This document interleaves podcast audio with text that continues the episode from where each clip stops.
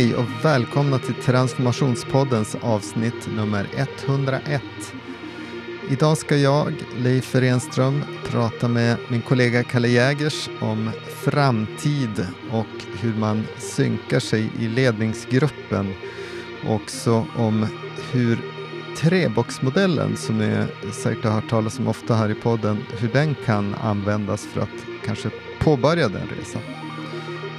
Vi kommer inte att gå så djupt in på treboxmodellen här, så jag skulle föreslå att ni lyssnar på avsnitt nummer två av Transformationspodden där vi har ett helt avsnitt om eh, treboxmodellen. Så får ni en, en djupare kunskap om den innan ni lyssnar på det här avsnittet. Men nu kör vi igång. All right. Välkommen till podden, Kalle. Tack så mycket. Det var ett tag sedan. Det var ett tag sedan du och jag satt här. Jag tänkte att idag att vi skulle prata om ett av våra favoritämnen, nämligen framtiden. Eh, och kanske då mer specifikt hur eh, organisationer och ledningsgrupper, varför de ska ta sig an framtiden och, och kanske hur man kan göra det. Mm. Det är ju en, en, stor och komplex fråga, men jag tänkte att vi ska försöka bryta ner den i, i ett par områden som kanske gör den någorlunda hanterbar och att vi inte kanske tar tre timmar till att lösa det, även om, vi, även om vi gärna skulle göra det. Vi kan ju försöka begränsa oss där, hålla oss liksom till en fråga, typ hur får vi framtidsfrågan på bordet och agendan för en ledningsgrupp? Så får vi se om vi kan hålla det. Jag vet inte, ska vi prova? Ja men exakt, ja, vi, vi, vi testar det. Det är en bra, bra tanke att vi försöker hålla oss till en, en fråga. Men om vi, om vi startar där då, eh, runt den här framtidsfrågan, var, varför Va, varför då? Varför är, varför är den så viktig? Ja, jag tycker att det finns jättemånga skäl till det. Eh, och jag tror att vi har ju berört rätt många av de skälen i podden också. Men det, det jag tror någonstans är utmaningen, så jag tror att de flesta är med om att framtiden och vad den innebär, det är ett bekymmer för oss idag. Det är många som funderar på den på olika sätt. Det är många som ser saker i samtiden som man inte har förväntat sig skulle hända. Och man med rätta har väl en mm. viss typ av liksom oro och men kanske också nyfikenhet för liksom vad kommer härnäst eftersom vi uppenbarligen är inne i en massa stora förändringar. Liksom vi har klimatutmaningar, vi har liksom geopolitiska eh, skakigheter. Det är liksom, vi märker ju att saker händer och vi märker också ja. att människor i olika utsträckning är förvånade av det som händer. En del är mindre förvånade än andra. Och jag tror att, vill man veta varför framtidsperspektivet är viktigt, tänker jag, då ska man titta på liksom vad, vad händer idag och hur känns det idag? Upplever man att det är liksom komplext, skakigt och oförutsägbart, ja då har man kanske inte riktigt haft utrymmet att titta på framtiden med hjälp av innovationsmetodik exempelvis.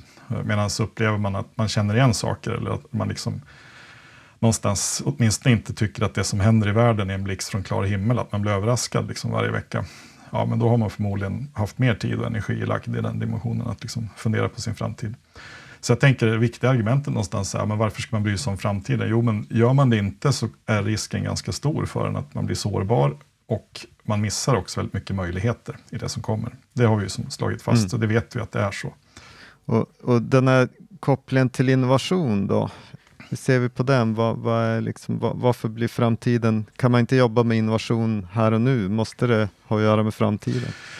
Jo, det kan man ju och ska man ju göra. Liksom, innovationsmetodik är ju liksom inget som, som tar hänsyn till vilket problem man löser så. Liksom, man kan använda innovationsmetodik för att lösa problem här och nu och liksom skapa sig en bättre framtid idag. Och genom att förbättra saker i nutiden. Och det, det får man inte glömma bort. Liksom, att det handlar inte mm. om att vi ska okej okay, nu tar vi ett break på nyårsafton, efter nyår gör vi allting helt nytt och då måste vi jobba på nya sätt. Det, så funkar mm. det ju inte i världen såklart. Inte runt innovation och framtidsfrågan heller. Däremot så tror jag att det finns få verktygslådor som är lika effektiva och bra att jobba med om man vill adressera framtidsfrågor som innovationsmetodik. Jag tror att mm. det är väldigt, väldigt svårt att liksom få någon vettig bild över tänkbara framtider eller att arbeta med saker som konkret faktiskt kan ge ett värde i framtiden om man inte gör det med hjälp av innovationsmetodik. Det kommer att nås en punkt oavsett vad man använder för metoder och modeller där man kommer upptäcka att man är begränsad om man inte öppnar liksom innovationsverktygslådan. Sen tror jag att det handlar om lite olika skäl också. Så jag tror att många som har jobbat i offentlig sektor till exempel har ju upplevt de senaste tio åren en insikt i att liksom demografin förändras. Vi kan inte förlita oss på att ha lika stora skatteintäkter i framtiden, men vi ser också att behoven ökar och liksom vårt uppdrag ökar och syftet med vår verksamhet expanderar på något sätt utan att budgeten mm. förstärks. Mm. Då tror jag att det är absolut ett läge där man liksom måste jobba med, med innovation för att ha en framtid överhuvudtaget och inte bli liksom marginaliserad och fråntagen sitt uppdrag. Mm. Eh, det finns oerhörda liksom, utmaningar i det. Så tänker jag också där, jobbar man inte i offentligt så handlar det väldigt mycket om, liksom, vill man leva och må bra som organisation? Vill man göra det om, räcker det att liksom känna trygghet i att vi kommer må bra i tre år till, sen vet vi inte.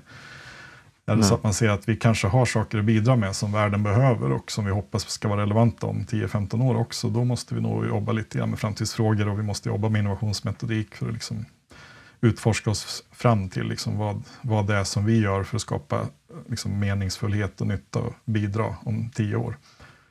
Mm.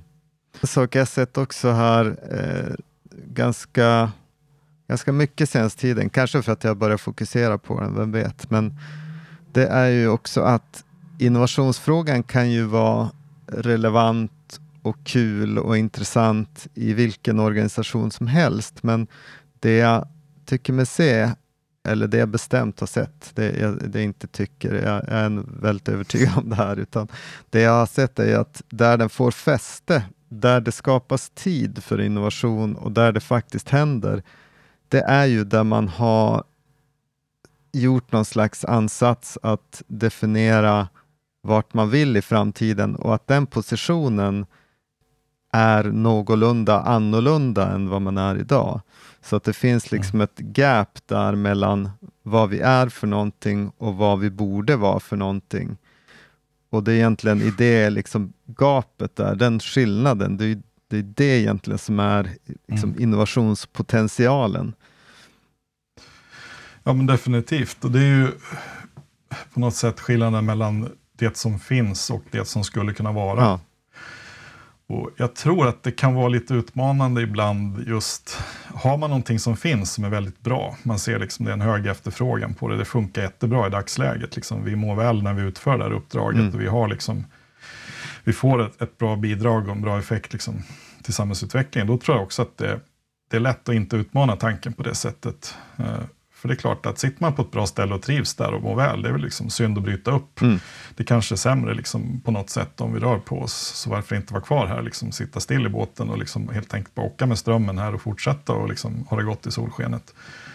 Det jag tror man riskerar liksom i den positionen om man inte öppnar upp för att jobba lite mer framtidsorienterat är just att plötsligt så ändras sig omvärlden och liksom i en riktning som vi inte alls är med på, som inte gick att förutse för fem år, för fem år sedan om vi bara satt liksom still i våran båt. Mm.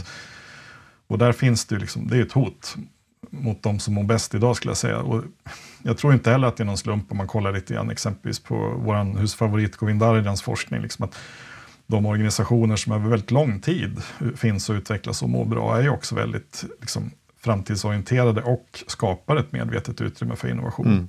De har inte varit detsamma i hundra år, liksom. de har ju utvecklats konstant. Och de, vi ser att det är ofta de aktörerna som också är ganska tidiga på nya saker och liksom utforskar nya saker och, och testar nya saker, även om de inte vet vilken nytta de kommer att ha av det. Mm. Och det skulle jag säga, det är ju liksom ett förhållningssätt man har lyckats bygga upp, någon slags organisationskultur som gör att man hela tiden är i framåtrörelse på något sätt, på något plan. Mm. Och det är väl den stora, liksom, tänker jag, skillnaden mot de som inte lyckas lika bra eller de som får en kortare liksom, livslängd. Att ju mindre framtidsorienterad man är, ju mindre utrymme man ger för människor i organisationen att jobba med innovation, ju större risk tar man i liksom, de förändringar som man inte kan påverka. Mm. Men jag har också sett att eh, man kan ju vara eh, på, på ett sätt framtidsfokuserad. Så man kan säga att vi har gjort strategiskt arbete och vi har en, liksom, vi har en strategi, vi har planer. Vi, vi, ska, vi ska växa från liksom, 200 miljoner i omsättning till 400 miljoner i omsättning på sju år. Men den typen av liksom, tillväxt strategier eller vad man ska säga, tillväxtmål ger ju inte nödvändigtvis utrymme för innovation, för det är inte säkert, alltså det, det kan ju vara bara mer av det man redan gör eller att man ska köpa upp Exakt. andra organisationer eller vad det då kan vara, att man växer liksom fast med bara samma sak. Så det krävs ju också det som, det som i ISO 56000-standarden beskriver när man ska göra innovationsvisionen, den här strävan. Alltså det krävs mm. en strävan efter någonting som är annorlunda. Eh, någonting som är liksom tydligt annorlunda mot idag. Ja, och jag tror att på ett sätt är det ju ganska logiskt att om man sätter upp den typen av mål, bara säger att det är liksom ett ekonomiskt mål mm. vi har, det är, det är vår vision, att bli ekonomiskt större, då ligger det ju nära till hands helt enkelt att försöka expandera det vi redan kan och vet funkar och är bra. Mm. Liksom. Det, då köper vi mer av oss själva på något sätt. Det är ju fullkomligt mänskligt att liksom, det är den enkla och snabba vägen att komma igång för att börja nå det målet. Ja. Risken man tar då är ju liksom att, ja men okej, när man har köpt klart halvvägs och inte finns något mer att köpa så har man ändå inte nått målet. Eller värdet av det man skapar som var bra då när man började, det har ändrats. Så tre år senare räcker det inte att liksom mm. fortsätta att bli större på samma. För det värdet av det där samma har minskat i omvärldens ögon. Och man får inte lika bra betalt längre. Och det, liksom, mm. det kräver ännu mycket mer jobb för att uppnå det där målet. Sen tänker jag också att det, den där typen av mål är ju rätt, ja, de är tydliga ekonomiskt och lätt att mäta och sådär. De, det går att skapa massa strategier för att nå det målet utifrån det ekonomiska. Men de säger egentligen ingenting om hur. Vad är det vi gör då när vi omsätter dubbelt så mycket? Gör vi, gör vi nödvändigtvis exakt samma? Mm. Och där tycker man ser en skillnad i att de som kan kombinera den typen av mål, det kommer ju ofta som en konsekvens. Liksom att vi har en ambition att bli någonting större, mer och bättre än det vi är nu. Om vi lyckas med den ambitionen, då ser vi som en konsekvens att omsättningen kommer att öka, eller liksom, ja, vad det nu är man ska göra, mm. vad det är man värderar för tillväxt. Och jag tror att har man den typen av liksom strategi eller det sättet att tänka, då finns det också en målbild som är motiverande för folk på ett annat sätt än att säga att vi ska bli liksom dubbelt så stora ekonomiskt. Liksom, Jag har ju ingen, liksom, jag har inget, ingen draghjälp av en sån vision som enskild medarbetare i vad jag ska göra då. Liksom, ska jag jobba dubbelt så mycket eller vad, är, mm. liksom, mm. vad gör jag för att bidra till det?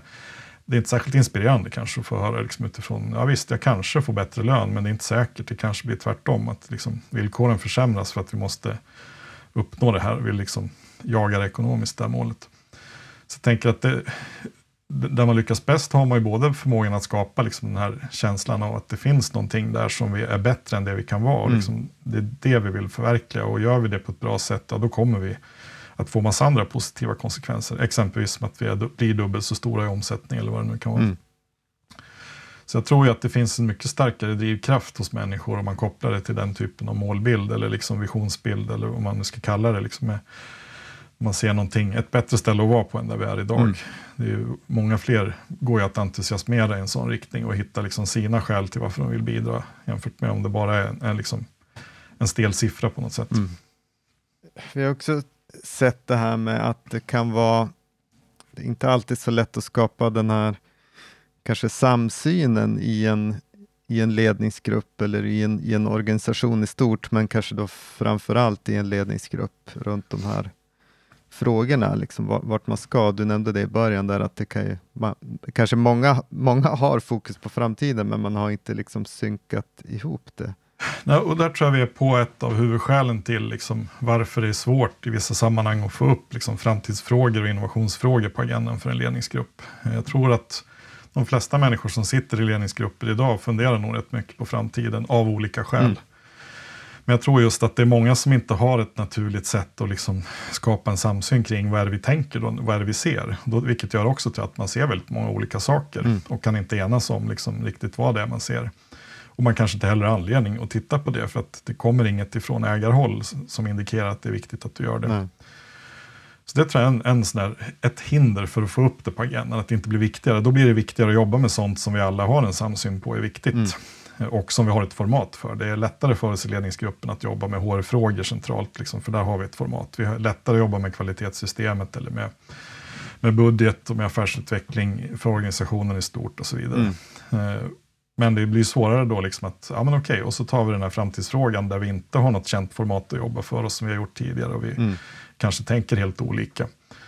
Och ingen är liksom den naturliga experten i rummet heller. I en typisk ledningsgrupp så har vi någon som har lite så här ekonomiskt veto för den kan mest om siffrorna. Mm. Vi har någon som är HR-expert som kan mest om de frågorna och har någon slags naturlig liksom ansvarsposition för att driva den frågan i, i ledningsgruppen eller liksom mm.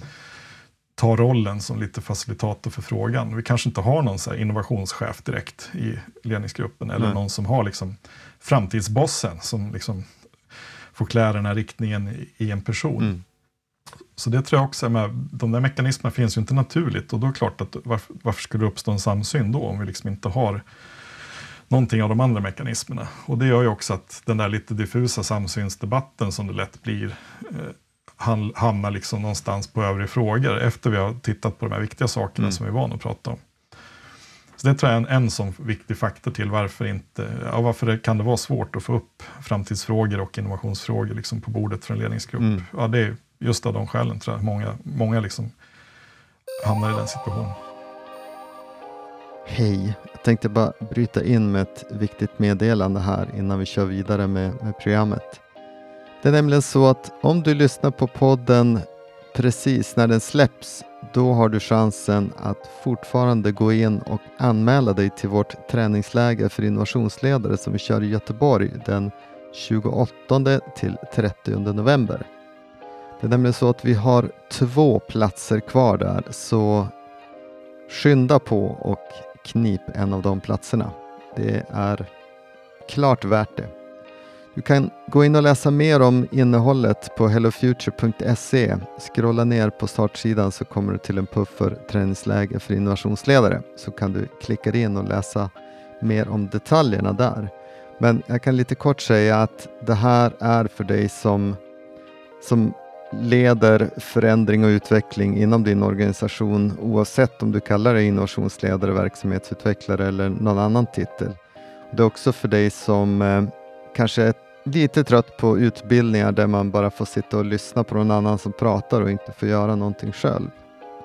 Och det är bra om du har en grundförståelse för innovationsmetodik men kanske inte nödvändigtvis har jobbat så mycket praktiskt med det än eller åtminstone vill, vill bli ännu bättre på praktiken runt det här. Vi kommer under de här dagarna att titta på saker som hur man bygger ledningssystem för innovation, hur man faciliterar grupper, hur man hanterar kniva situationer och röriga processer, hur man designar bra innovationsmöten och hur man går från idéer till att implementera. Så ta chansen, signa upp för det här och du kommer även då att få möjligheten att hänga med ett härligt gäng från Hello Future under de här dagarna och kanske passa på att ställa lite sådana här frågor som du alltid har velat veta som eh, du får chansen att göra på kvällar och runt om workshopsen här. Så ta chansen, signa upp nu och knip en av de här två platserna som finns kvar. Hoppas vi ses i Göteborg. Det kan också finnas en aspekt av det att eh, framtidsfrågan är ju inte en specifik fråga. Det är egentligen kanske fel att kalla den för framtidsfrågan, utan det är ju snarare ett perspektiv på, ja, på befintliga sant. frågor. Liksom, vi kanske har ett problem med rekrytering eller med kanske ja, men, kompetensförsörjning i stort och då är ju framtidsaspekten av det är ju då snarare liksom vad kan vi vad är det vi inte gör idag? Liksom, vad finns det för nya saker vi skulle kunna prova och testa som, som kan få det här att funka bättre? De saker vi gör idag ska vi fortsätta att göra och kanske skala upp och de saker som kanske inte funkar så bra idag, ja, men vi lägger dem i, i låda två och slutar göra dem. Men, men vad finns det för nya saker att göra? Ja, Precis, och det, då är man ju inne på den här knepiga liksom, kulturfrågan och kontexten. Liksom, vad, vad har man för möjlig kultur i sin ledningsgrupp? Mm. Liksom, vad är det som premieras för typ av beteende? Liksom, och vad är det för förhållningssätt som är rådande? Liksom, vad är det som gör att man, någon lyssnar på när man är där? Och, och också tänka i förlängningen så relationen till det, ja, men ägaren. Vad är, det liksom, mm. är det en privat ägare? Är det en offentlig ägare? Vad får man för ägardirektiv? Mm.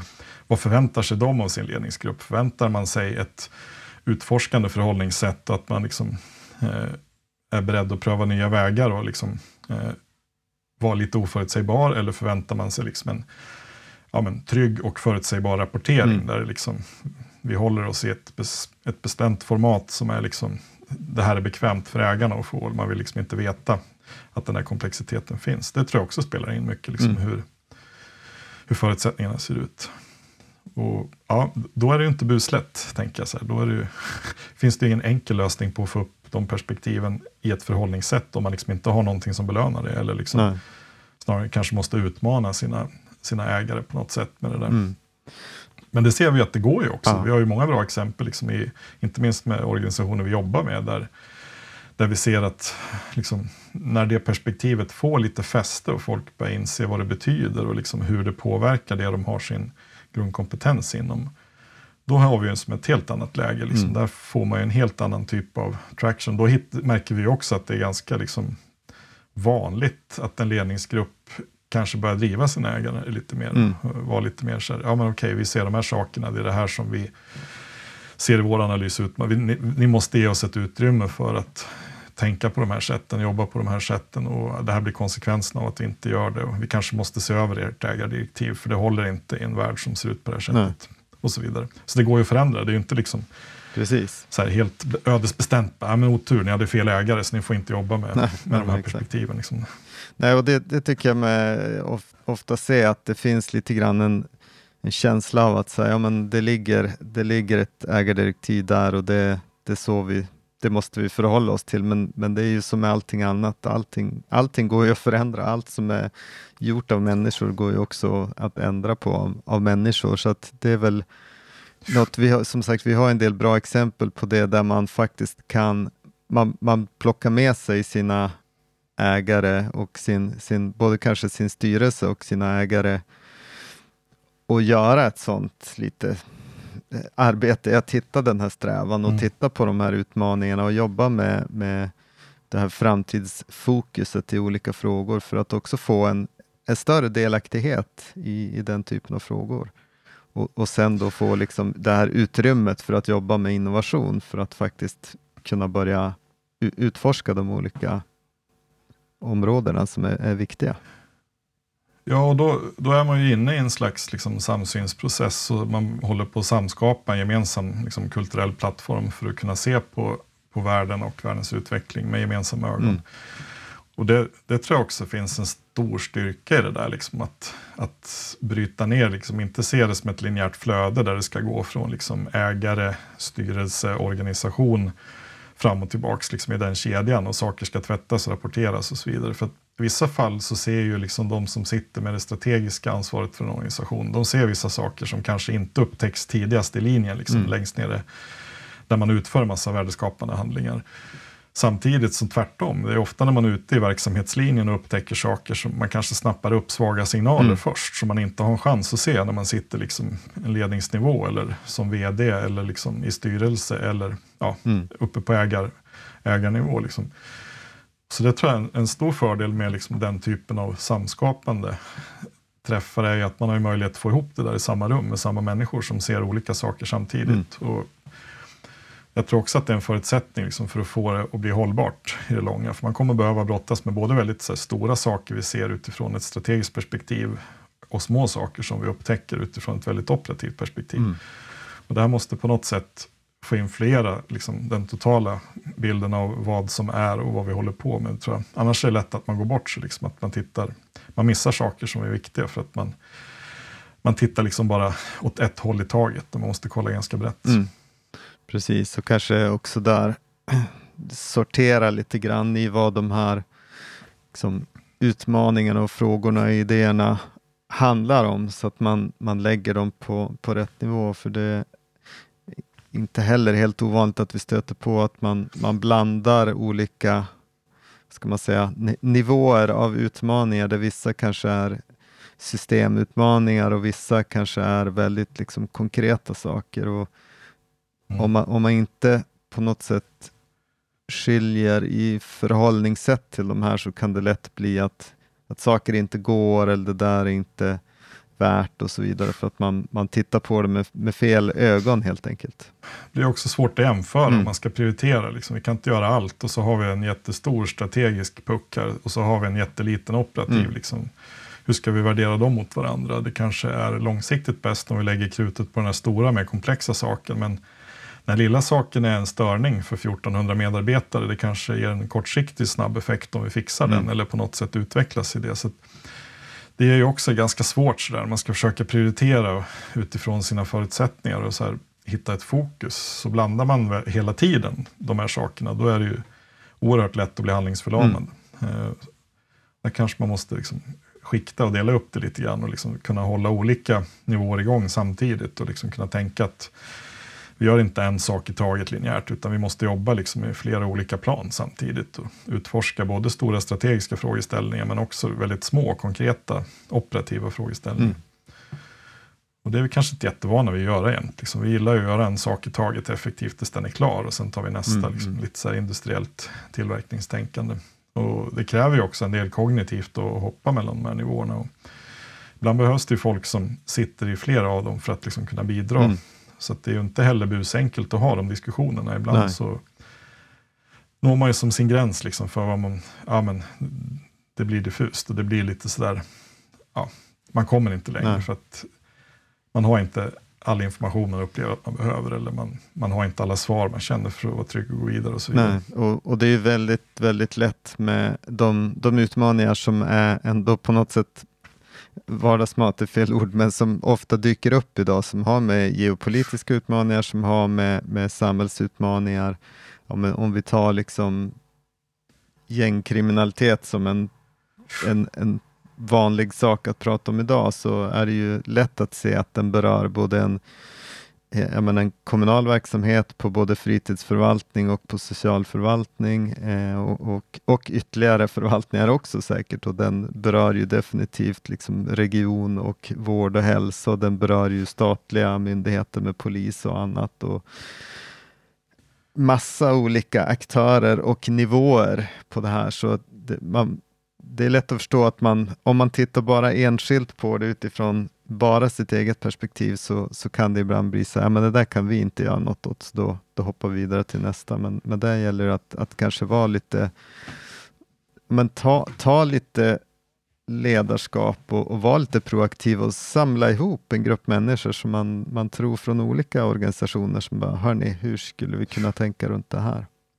Ja, och det är ett bra exempel tycker jag på någonting som vi upplever som väldigt nytt.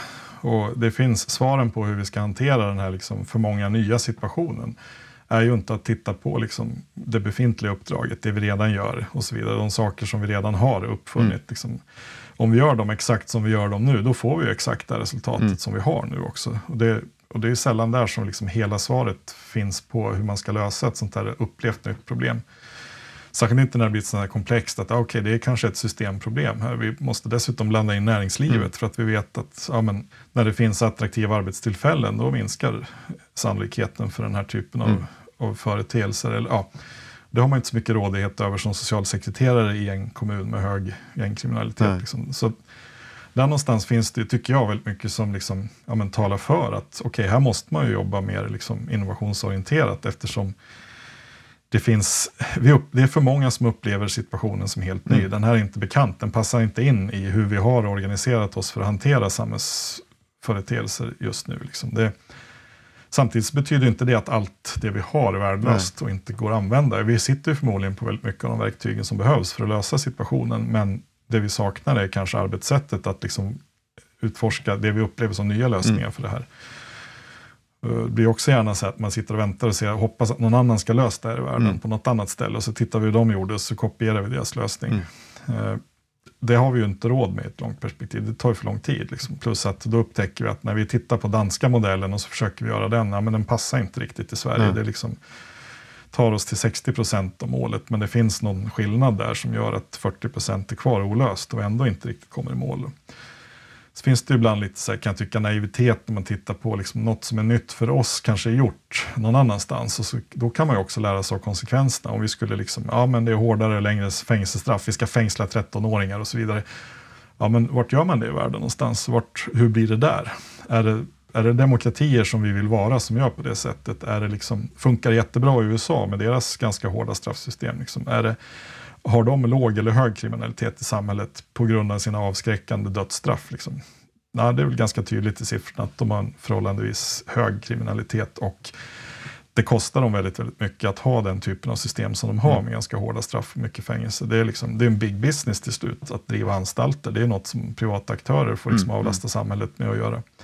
Så då kan man ju tänka sig, om vi nu börjar prata om hårdare straff, en känd lösning, ja, vad har vi för konsekvenser av det då? Liksom, och hur skulle det bli hos oss?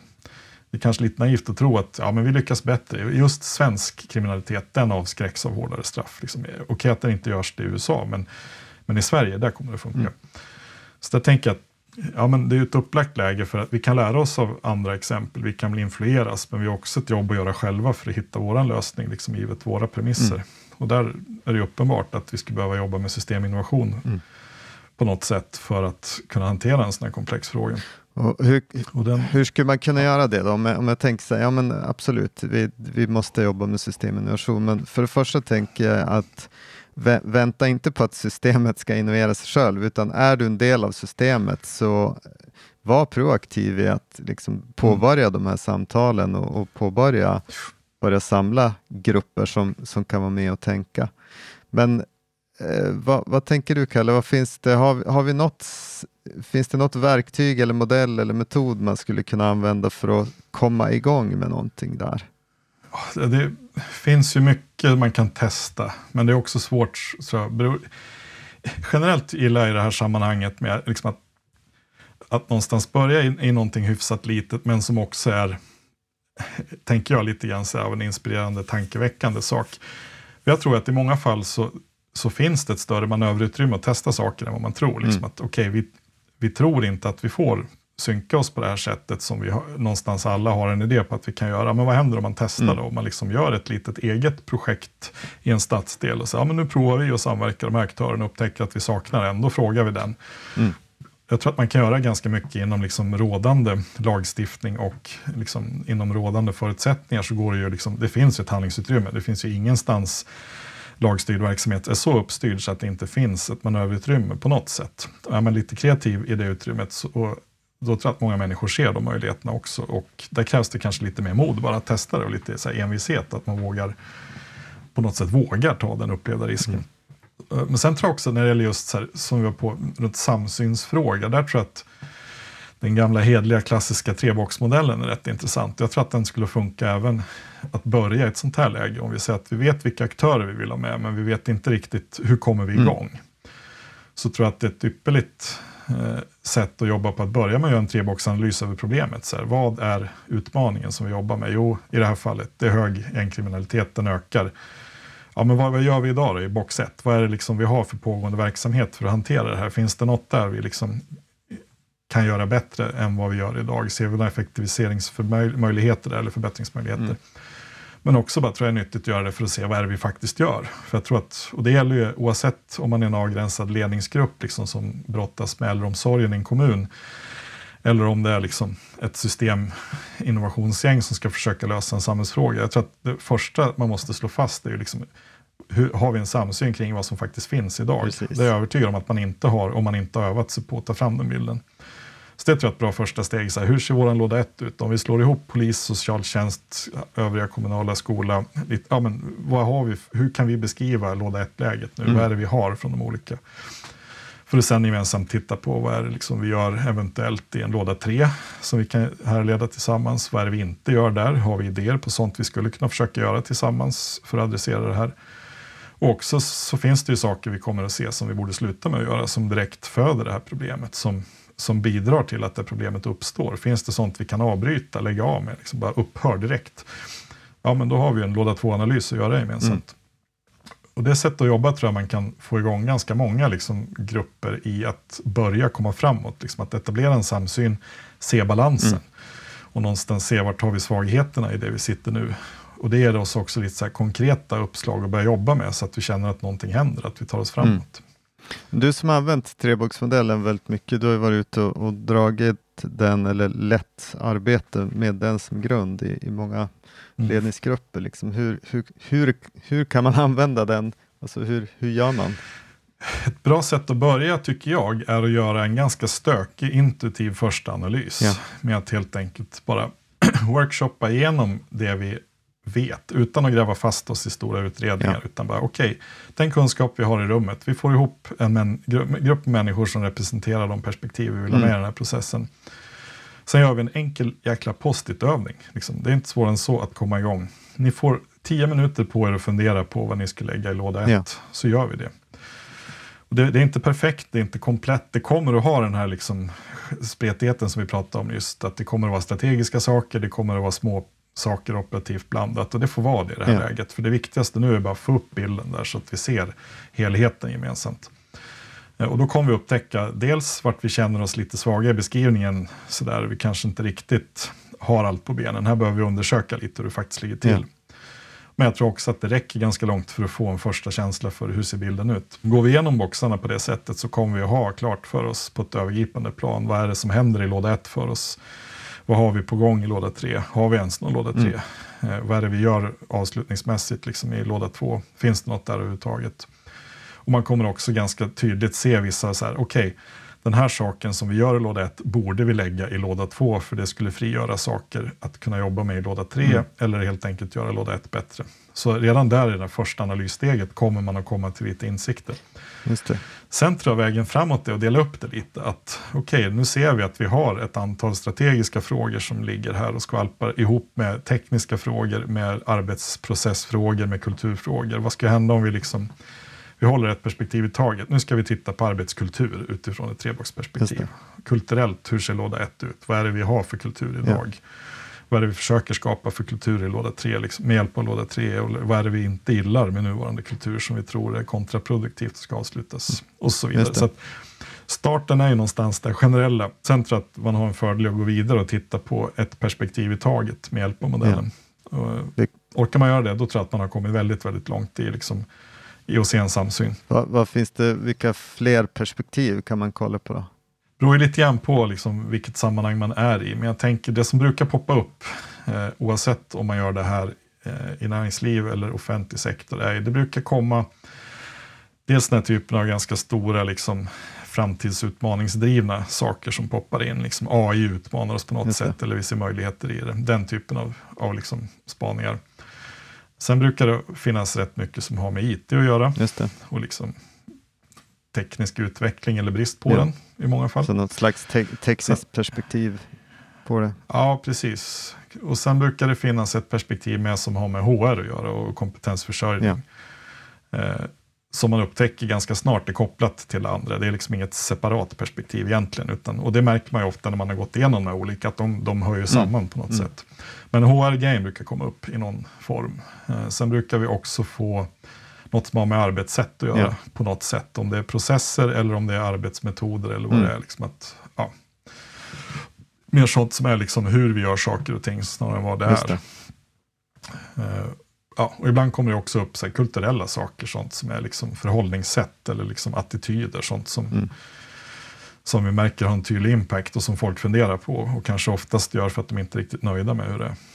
Eh, det är väl de vanligaste skulle jag säga som poppar upp, liksom, som man brukar kunna ta tag i direkt efter en sån här stor och stökig första session. Just det. Kör man, då, eh, kör man de här perspektiven eh, efter varann på en och samma gång eller kör man dem i separata workshops eller vad, vad brukar funka bäst? Beror lite grann på hur långt man kommer i första steget och hur snabbt man vill jobba. Jag tror ju att det där behövs anpassas lite efter den grupp man är i. Jag tror att det finns en poäng dock att ta lite ställtid. Mm. Att okej, okay, vi gör den här första och sen bestämmer vi oss för att nästa gång vi träffas ska vi titta på IT-perspektivet. Och då kan vi fundera lite grann på vilka ska vara med mm. då. Och sen kommer vi, det kan vara bra om det finns lite tid till den workshopen. När den kommer så kommer vi upptäcka att ja, vi kom en bra bit, men vi hade förmodligen varit ännu smartare om vi gjorde om den så att man vill jobba vidare på något sätt. Vilket kan vara helt okej okay att göra. Det kanske är en grupp som ska göra, liksom, okej okay, nu gör vi vända två på det. Liksom att vi går hem och tar reda på saker som vi inte riktigt har koll på. Mm. Och sen gör vi en ännu bättre analys med samma modell, samma material i en vända mm. två. Eh, och det kanske är så att det inte är samma människor som ska sitta och göra varje analys, utan vi behöver liksom bemanna det här lite olika. Mm. Eh, så jag tror, jag tror på att jobba lite iterativt där för att se liksom, vilket perspektiv känns mest intressant att börja med och vilka är det som ska vara med. Jag tror att det är bra också att ha lite luft emellan eh, så att man får landa lite i användarmodellen. Liksom är det första mm. gången man använder treboxmodellen och ska titta på sin egen IT-miljö till exempel så ja, man kanske blir bättre i sin, i sin output om man får ett nytt försök.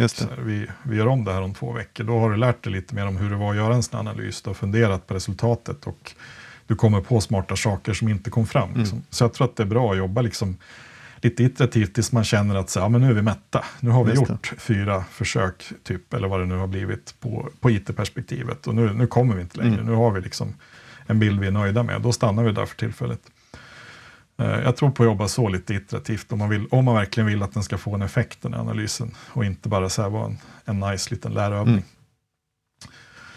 Mm. Eh, Så det, blir, det finns ingen så här jätteenkelt, gör exakt så här så här många tillfällen så här långt emellan. Jag tror att det måste anpassas efter de människor som ska ingå eh, i någon utsträckning. Men jag tror ju på att skapa ett utrymme så man kan göra om övningen ett antal Mm. gånger tills man är nöjd snarare än liksom att det var det här vi fick för vi hade två timmar och gör- gjorde det på. Mm. Liksom. Det är lite som eh, insiktsarbeten och intervjuer. Hur många ska man göra? Ja, men tills man når någon typ av mättnad. Precis. Tillräckligt, Tillräckligt många. många, tills, tills det blir förväntade svar. Det är väl det som är, då, då brukar man veta att då, då är man ganska nära att, att inte få ut så mycket mer av att traggla på. Ja men exakt, det kommer inte upp något nytt som blir Nej. kvar. Utan det kanske poppar upp nytt men det får inte vara kvar för vi ser att det liksom redan finns eller kanske inte skulle Mm. vara där. Och så vidare. Ja, men då har vi nått någon slags mättnad Mm. i det. Eh, Och det man lyckas skapa då, den outputen, är rätt intressant. För där kan vi börja jämföra och se också hur ser balansen ut i de olika perspektiven. det. Liksom, är det så att vi generellt har väldigt lite i box 3 säger ju det någonting om hur pass framtidsorienterade eller innovationsorienterade vi Mm. är. Å andra sidan kan vi också upptäcka att vi jobbar ganska liksom, innovationsorienterat fast mycket i låda Just 1. det. Ja, då kanske vi har en, en bra förutsättning kulturellt för att liksom, stretcha perspektivet lite och Mm. börja jobba upp lite mer låda 3-idéer. Eh, för det kommer man ju också upptäcka liksom, att mycket av de arbetssätt man använder i låda 3 för att utforska nya saker och sånt som kan bli, det funkar alldeles utmärkt för att lösa problem även i låda 1 med liksom nuvarande verksamhet. Eh, svårare att göra tvärtom och plocka liksom ett arbetssätt som är anpassat för låda 1 och försöka göra låda 3-arbete Mm. med det. Det vet vi ju inte funkar särskilt bra. Men, men jag tror att den stora fördelen med att göra den här typen av övningar är ju liksom att kan man få med sig sin ledningsgrupp och göra den här övningen och kanske ha lite ägare och sånt inblandat om vi är liksom i det perspektivet eller i det sammanhanget. eh, Då tror jag också att man i slutändan om man gör det här ambitiöst så kommer man ha en väldigt, väldigt bra bild över vilka är vi egentligen idag? Vad gör vi för Mm. någonting? Vad är det vi inte gör som vi känner att vi saknar? Mm. Och då kommer många upptäcka, det är min erfarenhet av att ha jobbat med folk med det här, då kommer man upptäcka att vi har inget riktigt tydlig målbild. Ja. Det är därför vi inte har mer i låda 3. Vi vet inte riktigt vad vi ska satsa på. Det är inte så att vi har brist på idéer på vad vi skulle kunna göra eller brist på uppslag på sånt vi skulle vilja utforska. Det är mer att ja, vi vet inte riktigt varför vi ska göra Mm. det eller vad det ska leda till eller om det är rätt. Så där direkt ser man behovet av att göra någon typ av målbildsarbete för att Mm. liksom Okej, men då kommer ju frågan, vart vill ni med det här? Är ni nöjda med att ha det exakt så här? De flesta är inte det när de är klara med sin första treboxanalys. Det, är liksom, det skaver lite här och var. Och jag tycker en positiv bieffekt av det, man kanske gör det utifrån liksom, ja, men syftet är att vi vill få bättre koll på hur vi ska jobba med framtiden. Man upptäcker ofta att den här upplevda samsynen på vad vi faktiskt gör här och nu i låda 1, den är inte så himla etablerad och samsynt. Liksom. Det, vi upptäcker saker där, att så här, ja, men det vi tror att vi är kanske inte riktigt stämmer. Liksom. Här, här gav det en positiv bieffekt att vi fick en mycket bättre självinsikt Mm. i vad vi faktiskt är och gör idag. Alla har sin egen, Och inte det vi, alla har sin egen samsyn. Ja, men exakt. och den, den är jättesann Ja. just här i min låda. Liksom. Nej, men, så det ser vi, det får ju många positiva effekter när vi gör den övningen. Man får både en bättre självinsikt i liksom, vilka är vi idag, vad är det som faktiskt görs och funkar. Eh, Gör vi så mycket utvecklingsarbete som vi tror att vi gör egentligen? Eh, Gör vi mer än vad vi trodde? Vi positivt överraskar oss. Att vi trodde vi var kass på att jobba med, med liksom förbättringar, men det visar sig att det gör vi faktiskt mycket större utsträckning än vad vi Mm. trodde. Så att det, det ger ju liksom en bra så här, nulägesbeskrivning som får, brukar vara en ögonöppnare för många. Och det är också en jättetydlig visning på hur ser balansen ut? Är, gör vi verkligen tillräckligt i det framtidsorienterade? Jobbar vi tillräckligt mycket med innovation och varför gör vi inte det? Ja, I de flesta fall så upptäcker man att det gör vi för att vi inte riktigt vet varför vi ska göra det, vart vi vill Nej. med det. Hur, hur brukar det eh, skillnad då på de saker som hamnar i låda 3 och låda 1? Hur brukar det se ut? Jag, jag tänker mig att det kanske är lite mer konkret det som hamnar i låda 1 gissar jag. Ja, det kan det ju vara, absolut. Det är oftast där det brukar börja poppa upp Ja. saker i alla fall. Och sen när man någonstans är bekväm i modellen och bara förstår liksom vad menas med låda 1, då tycker jag det brukar dyka upp mer och mer liksom komplexa och mer kanske strategiska saker. Framförallt sånt som har med någon typ av liksom affärsmodellsutveckling eller kanske, kanske till och med har med liksom organisationsform att mm. göra. Att man, liksom, ja, man anar att den här hierarkiska pyramiden vi sitter i, liksom, vi vill snarare utmana den och kanske göra något mer platt och så vidare. Så att, jag, jag, tänker att det kan vara lite allt möjligt. Det brukar oftast börja med de här mest välkända som blir mm. ganska konkreta saker. Eh, men det brukar sällan sluta där, för ju mer man liksom tar till sig modellen och tankesättet, ju, ju mer liksom hittar man av mer komplex karaktär även i låda 1 mm. tycker jag. Det ser ju så oerhört olika ut om man är liksom industriell tillverkare av en produkt eller om man är liksom kommunverksamhet med sex förvaltningar mm. som gör liksom allt ifrån bygg, bygglov till, till hemtjänst. Mm. Liksom. Ja, men såklart. Eh, jag tänker att det mest troligt är det väl ändå så att man får ut mer resultat i låda 1 som kanske är, det här är saker vi inte bara vill göra utan som vi faktiskt kanske också delvis gör och har påbörjat medan eh, mycket av det som kanske trillar ner i låda 3 är mer så här ambitioner. Det här skulle vi vilja göra. Jo, absolut och det, det tycker jag att det stämmer ganska bra nästan överallt mm. där vi gör det. Framförallt för första gången. Liksom. För som du säger, det, det, är ofta mycket mer saker som främjas i nuvarande systemet att påbörja om man ser att det har en direkt mm, avkastning mm, i det nuvarande systemet. Gör vi det här så blir vi 2 effektivare i hemtjänsten. Ja, det är klart vi mm. gör det.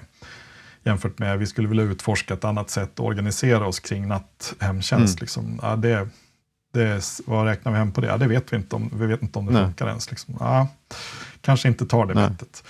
Så det stämmer ju, man har ju oftast av naturliga skäl mycket mer pågående saker i mm. låda 1. Medan låda 3 kan handla om ganska mycket ambitioner.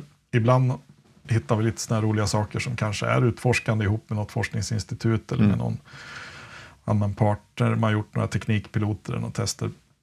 Men det är oftast, eh, ja, det är oftast en balansskillnad mm. där.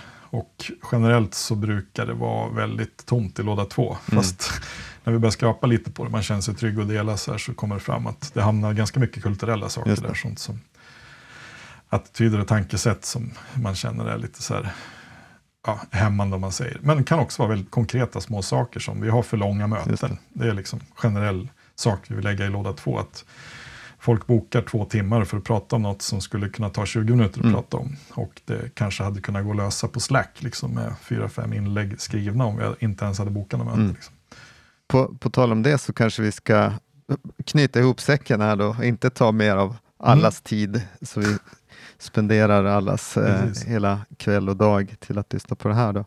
Men om vi sammanfattar lite då så har vi pratat lite om vad, varför framtiden är, varför det är viktigt att tänka på framtiden när man ska jobba med innovation, för att annars, annars blir det inget utrymme för innovation. Eh, och vi har också pratat om det här lite grann, hur man hur man kan skapa samsyn, både tillsammans i sin ledningsgrupp men också tillsammans med partners och andra som man kanske är, är beroende av i ett, i ett system. Och slutligen här då treboxmodellen, hur man skulle kunna använda den som en, eh, kanske en, ja, men ett, ett sätt att komma igång med det här jobbet som inte behöver vara så komplicerat. Mm. Man behöver inte liksom bygga upp ett helt ledningssystem för innovation för att komma igång, utan det, det kan komma senare när man har väl kommit en bit. Liksom ta ta små, små steg framåt hela tiden. Ja, en genomförd treboxanalys brukar vara väldigt, väldigt givande på många sätt och man brukar få en väldigt liksom, tydlig bild av hur saker och ting ligger till som gör att det blir svårt att mm. agera kan man säga. Är det så att man funderar lite så står det väldigt klart vad man har och vad man saknar och det gör också har jag märkt, där vi har varit och gjort det, att det blir också mycket lättare att få upp de här frågorna på agendan. Det är svårt att backa från det. Har man gjort det här och varit med från ledningsgrupper från olika perspektiv så blir det som en naturlig punkt att fortsätta diskussionerna kring. Det, det, kan bidra väldigt mycket till att få upp framtidsfrågor, innovationsfrågor på agendan för en ledningsgrupp också, som vi börjar i liksom, frågeställningen. Att ett, ett bra sätt, och upplever vi att det här inte tar den plats det förtjänar så kan göra en treboxanalys. Mm. Det kan vara ett sätt att, att liksom börja låta det här ta plats. Det kommer att finnas tusen saker att diskutera i ledningsgruppen efter det här som man kommer att vilja prata om under lång tid framöver. Mm. Liksom. Precis. Toppen. Tusen tack Kalle. Tack själv. Kul att få prata av sig lite i Ja, podden. men det var alltid lika roligt. Det var länge sedan Det- sist. Hoppas att det gav någon typ av Det, inspiration det är till nästan någon. som någonstans. att vi har spelat in ett av våra, våra fika, när check-ins bara. Ja, det blir lätt så. Ja, det var nice. Härligt, härligt. Men du, eh, har det så bra och eh, tack till alla er som har lyssnat också. Hör gärna av er till oss om ni har tankar och funderingar. Ja, men du, nu hoppar vi vidare till, till Mm. andra saker. Ha det så bra. Hej då! Hej då!